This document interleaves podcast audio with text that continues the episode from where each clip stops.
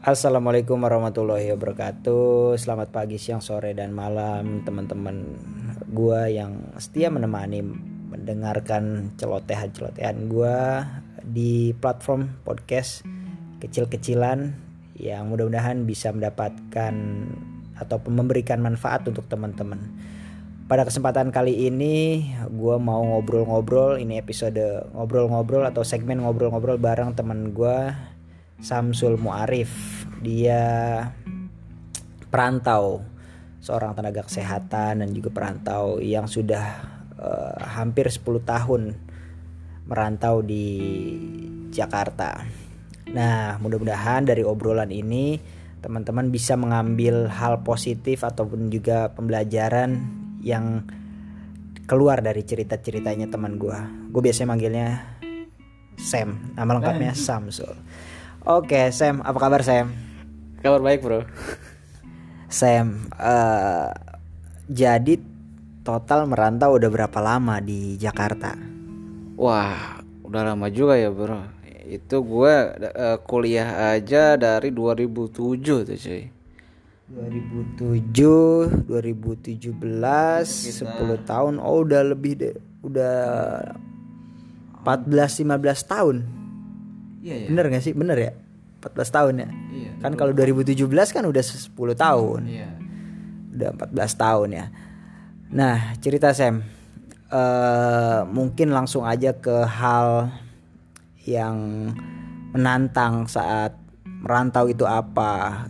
Ada istilah culture shock itu adalah kekagetan kita untuk menerima budaya luar atau budaya yang tepat kita saat ini. Apa sih yang buat lu kaget dan gimana sih caranya lu beradaptasi dengan uh, ibu kota gitu, Sam? Oh iya.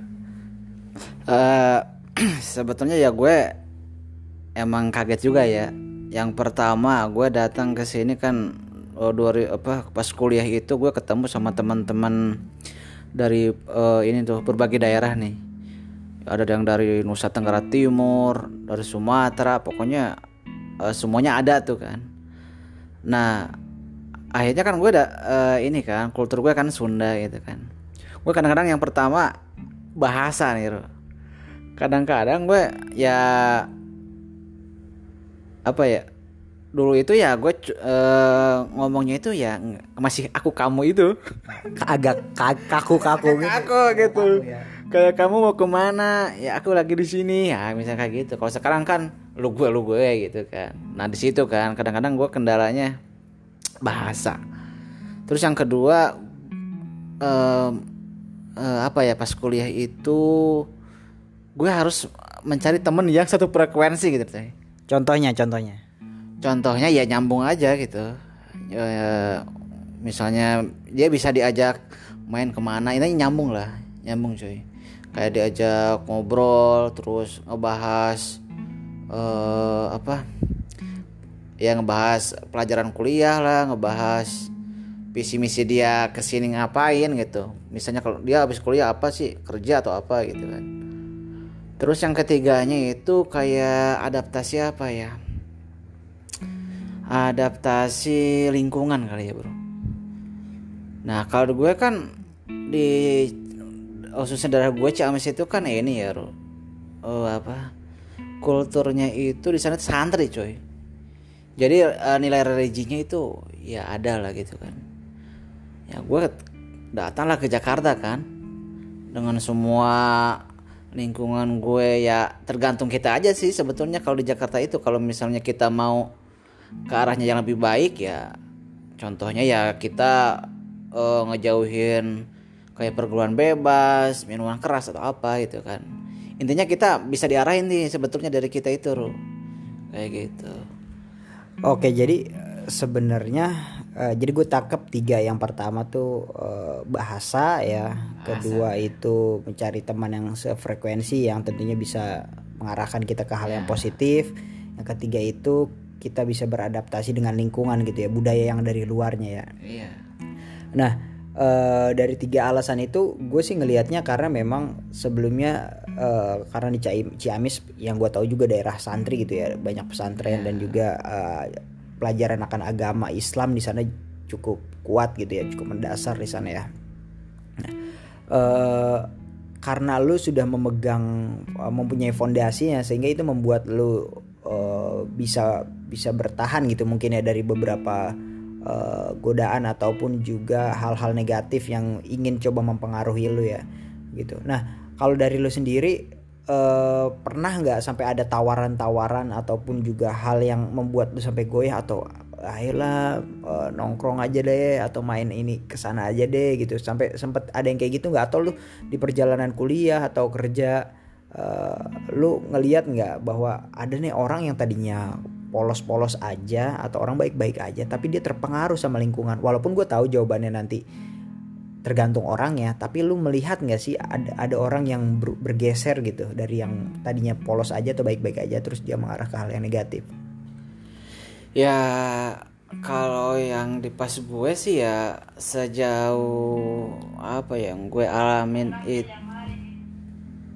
yang sejauh gue apa ya gue alamin ya ya sebagian kecil ya sebagian besar sih ada ada yang berpengaruh ada yang berpengaruh juga ada yang terpengaruh gitu loh tapi ya seenggaknya kita mencoba gitu kan Men, e, mencoba bagaimana kita menolak Eh, budaya-budaya kayak pergaulan-pergaulan yang menyimpang itu dengan ini loh maksudnya jangan, jangan terlalu ah gue kagak ah kagak kagak mau ikut sama lu. Nggak enggak gitu. oh berarti nolaknya jangan kasar banget iya, juga gitu ya? iya kita nolak kalau saja ya gue nggak bisa atau gimana gitu. Atau gue ya gue fokusnya uh, ada kerjaan atau apa gitu. Sibuk ada kegiatan ini itu gitu. Tapi kan ada kalanya lu coba uh, ter tergiur juga ya?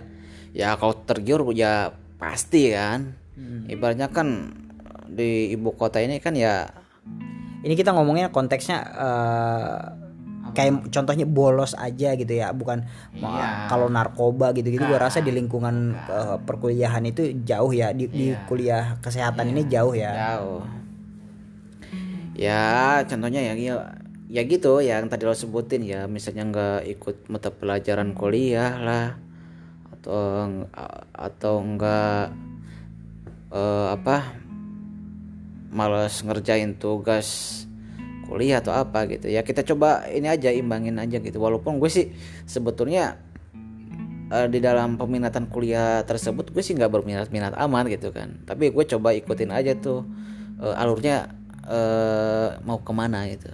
Oke. Okay yang gue tangkap sih berarti emang dari lu juga udah cukup kuat ya. Nah sekarang kita geser ke uh, apa ya problematika pekerjaan ataupun juga kebosanan uh, kita sama-sama sepakat bahwa uh, kadang kita menghadapi satu kondisi yang mengharuskan kita untuk tetap ngejalanin walaupun kita bosan ataupun kita nggak suka ngejalaninnya hmm. gitu kan. Nah kalau lu sendiri lu kan ngerantau di sini gitu kan. Hmm. Di mana orang tua lu di kampung lu di sini sendirian gitu ngekos ataupun kontrak gitu. Uh, biasanya lu saat menghadapi kebosanan rindu kampung halaman gitu. Rindu kangen Ciamis walaupun Ciamis nggak begitu jauh tapi kalau kita di kampung orang itu biasanya lu buat ngobatin kekangenan lu sampai orang tua ataupun juga kampung halaman tuh gimana gitu? Ya paling ya salah satunya sih gue sering komunikasi tetap ya. Gue coba sering nelpon orang tua lah uh, nyokap atau bokap gitu kan. Tapi ada kalanya ada suatu titik jenuh kadang-kadang kalau kerja itu kadang gue berpikir gini gue kayaknya sih enak di kampung gitu cuy. Kayaknya enak enaknya hidup di kampung gitu. Uh, kayaknya uh, di ibu kota ini kayaknya penat gitu maksudnya gitu. Maksud gue deh ya inginnya gue di sana nyantai uh, suasananya yang hiruk pikuknya enggak intensitasnya enggak tinggi gitu. Uh, pingin sih kerjanya di kampung gitu. Cuman ya ya apa ya ya emang mungkin nasib gue emang dapat rezekinya di sini gitu cuy. Dan ada kepikiran kayaknya udah deh waktunya pulang kampung aja. Ada pikiran gitu nggak? Sempat sempat sih wah udah sering justru gitu. Gitu kan awalnya kan gue wah katanya gue udah lah kayak kayaknya udah gue cukup merantau udah di Jakarta gitu kan. E, mungkin gue udahlah dengan walaupun di kampung nggak sebesar penghasilannya di Jakarta gitu yang penting hidup gue e, nyaman gitu kan. Cukup lah gitu kan walaupun nggak besar gitu. Tapi ya itu tadi gitu. Kadang-kadang ya pro kontra juga. Apa apa gue udah siap belum gitu? Uh, mulai udah lagi dari nol di kampung kayak gitu. Berarti uh, kepikiran tetap ada ya kalau dan yang pertama tadi kalau lu kangen ya mungkin kalau sekarang teknologi udah canggih ya. Iya. udah bisa video call ngobrol. 2010 2007 belum ada video call. Belum ada video call ya masih SMS mungkin ya. Iya. SMS atau BBM ya dulu BBM. ya terus uh, lu juga udah kepikiran buat sejauh apa pun lu merantau tetap ya, senyaman apa pun kita di, di, di kota orang iya. pengennya lebih nyaman di kampung lah gitu ya. Kayaknya hampir semua yang uh, orang yang merantau sih mengatakan kayak gitu ya. Iya. cuma balik lagi kita juga uh, sadar bahwa rezeki manusia Kadang, tuh nggak harus iya, di kampung kita sendiri gitu ya. Harus kita kejar ke daerah orang ya. apalagi kita udah uh, bekerja gitu kan. Ibaratnya kan kita punya kewajiban buat ya ini buat pekerja apa pekerjaan kita gitu kan.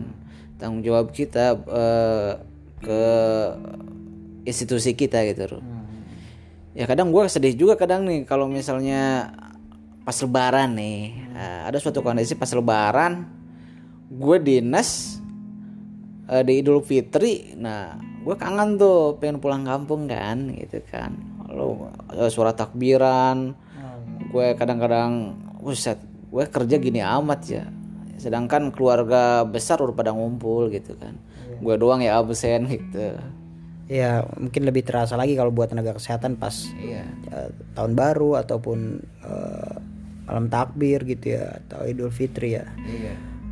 Oke Sam, uh, mungkin kita ngobrol-ngobrol kesempatan kali ini itu dulu. Nanti kita oh. sambung ngobrol lagi Siap. tentang pengalaman-pengalaman ataupun juga cerita tentang dunia rantau. Oke. Terima kasih sehat-sehat SM. Oke, Wassalamualaikum warahmatullahi wabarakatuh. Assalamualaikum.